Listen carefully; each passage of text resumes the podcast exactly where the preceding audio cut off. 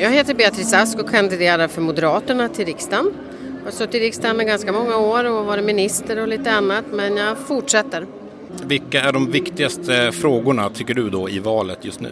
Ja, det är ju många frågor som är viktiga. Egentligen så tycker ju jag att det här med att fler ska få ett jobb att gå till är det absolut viktigaste för det är grunden. Men sen brinner jag för brottsbekämpningsfrågor och även för statens kärnuppgifter. Det är mycket man slarvar med. Allt ifrån försvaret till stöd till de allra svagaste. Så det, det, finns mycket där. Men, men ehm, om vi inte har folk i arbete då kommer det inte funka. Ja men vi har ju högkonjunktur. Är det ändå så att det är massa människor som inte har ett jobb att gå till? Det är jättemånga som inte jobbar, som borde kunna jobba, tyvärr. Och det är många, inte minst, jag har till och med mött folk här i Visby som har något funktionshinder till exempel som inte har fått chansen att försörja sig själva. Det är ju naturligtvis ett problem. Så det finns, men sen är ju högkonjunktur något som alltid går över. Alltså det går lite upp och ner och vi riskerar att hamna i en situation också med hjälp av digitalisering och förändringar i samhället som gör att folk blir av med jobb som finns idag och det måste komma nya jobb. Så det här är ju en evig fråga även om det just nu är så att ganska många unga har jobb och många har det men som sagt med, inte minst med den flyktinginvandring vi har så har vi ändå en uppförsbacke i att få in fler på arbetsmarknaden. Ja, men eh, för fyra år sedan eh, då gjorde vi också sådana här politiska intervjuer. Eh, då så sa man att det tog ungefär sju år för en utlandsfödd att komma i arbete. Hur ser de där siffrorna ut nu för tiden? Det påstods under en period att det hade gått ner något, det hoppas jag verkligen, men jag tror inte vi har förbättrat oss radikalt i vart fall, utan det tar alldeles för lång tid, det tar många år. Och det här är ju år av människors kanske mest produktiva tid ofta, ofta ganska unga när de kommer, men blir då inte till arbetsmarknadens förfogande därför att de inte har rätt utbildning, inte kan språket, ingen tar emot dem eh, på ett eh, vettigt sätt och då, då funkar inte det här. Så att vi förlorar väldigt mycket på de här bekymren och det är många då som också vänjer sig vid att leva på bidrag eller blir desillusionerade och ägnar sig åt kriminalitet. Det finns alla möjliga varianter. Eh, ja, så är det. Du är ju talesperson för civilförsvarsfrågor och civilberedskapsfrågor. Vad innebär det i praktiken?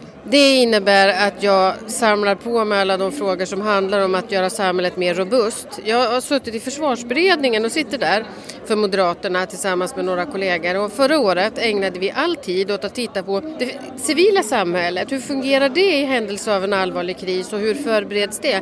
Och det var en ren Kafka-upplevelse. Det är ingenting som fungerar. Alltså livsmedelsförsörjningen är för låg, vi har dålig säkerhet när det gäller dricksvatten.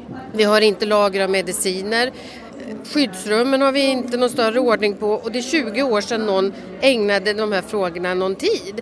Och det går ju inte. Du har säkert själv någon gång varit utsatt för ett elavbrott.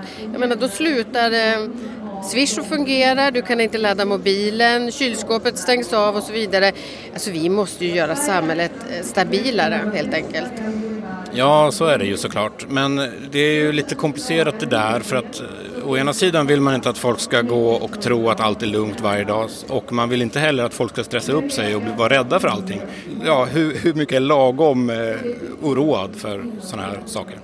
Alltså, jag tror inte man blir stressad för det är så här om man vet att man klarar sig två dagar utan att gå på 7-Eleven eller att man kan klara ett elavbrott så känner man sig faktiskt lugnare och tryggare. Det blir ingen katastrof när, när sådana här saker inträffar utan man, man kan hantera det.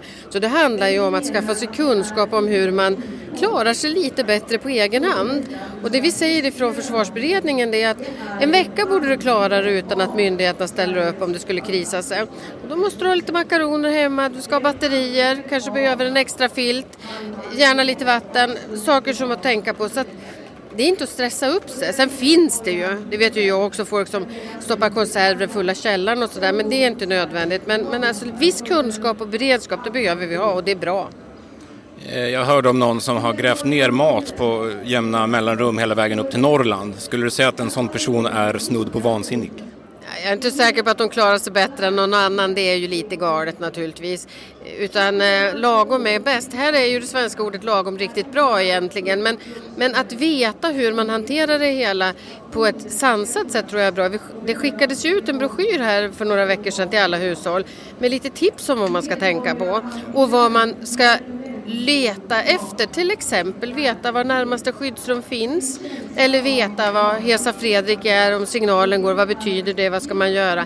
Alltså jag tror de här enkla sakerna är viktigt för människor att känna till för det ökar tryggheten. Men eh, i Hammarby sjöstad i Stockholm till exempel, där finns det inga skyddsrum. För när de husen byggdes då tänkte man att allt var frid och fröjd. Eh, var ska de ta vägen om det blir kris? Det vet vi alltså inte. Och det är så att sedan 2002 har det inte byggts några skyddsrum i Sverige. Det är ett jätteproblem och det som är nödvändigt nu är dels att inventera de som finns på pappret, ta reda på var de finns och i vilket skick de är, men sen också vad finns det för alternativa möjligheter.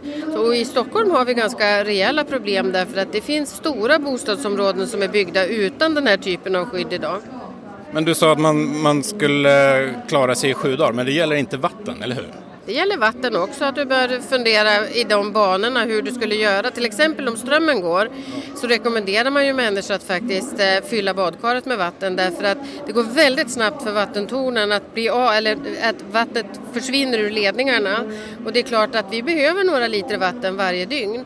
Eh, så att mm, blir det strömavbrott eller ger man besked om att man stänger av vattnet fyll då upp någon hink eller några flaskor eller vad du nu har hemma så att du har och klarar under en tid. För vi klarar oss ganska länge utan mat men vi klarar oss inte utan vatten, rent vatten. Och du kan ju tänka dig också vad frestande det kan vara för den illvillige om jag säger så att kanske förorena en dricksvattenreservoar någonstans.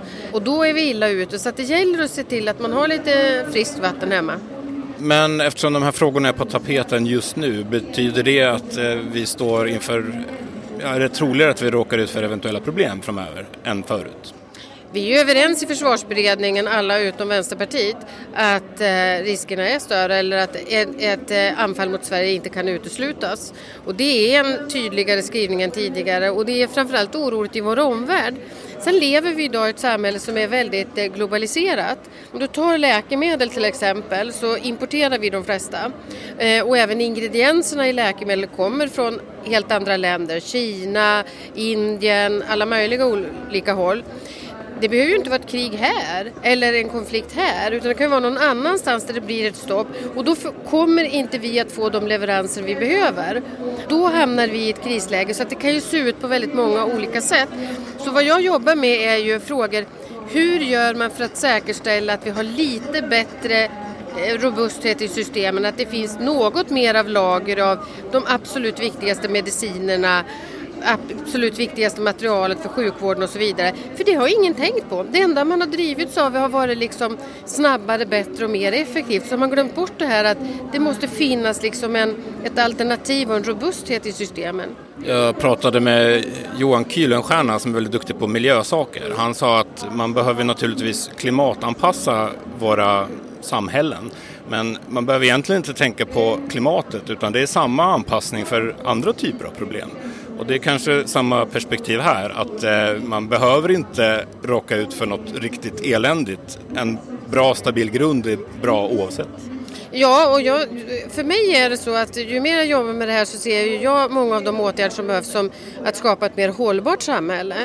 Jag antar att du inte har jättemycket kontanter på dig utan du är väl som alla oss andra använder kort och swish och det ena med det femte. Det behövs ganska lite för att det där systemet ska fallera. Och vad gör man då? Så det här att, att fundera över alternativa betalningsmedel är också ett sätt att göra samhället stabilare naturligtvis. Så att, ja, det handlar om hållbarhet. Sen är ju en del av de kriser som kan drabba oss kan ju bero på miljöproblem. Det ska vi ju vara klara över. Så att det finns ju goda skäl till att människor skaffar sig bättre kunskaper och att myndigheterna också har en planering och en beredskap för alternativa lösningar om det skulle hända något allvarligt. Stort tack och lycka till i valet. Tack så mycket.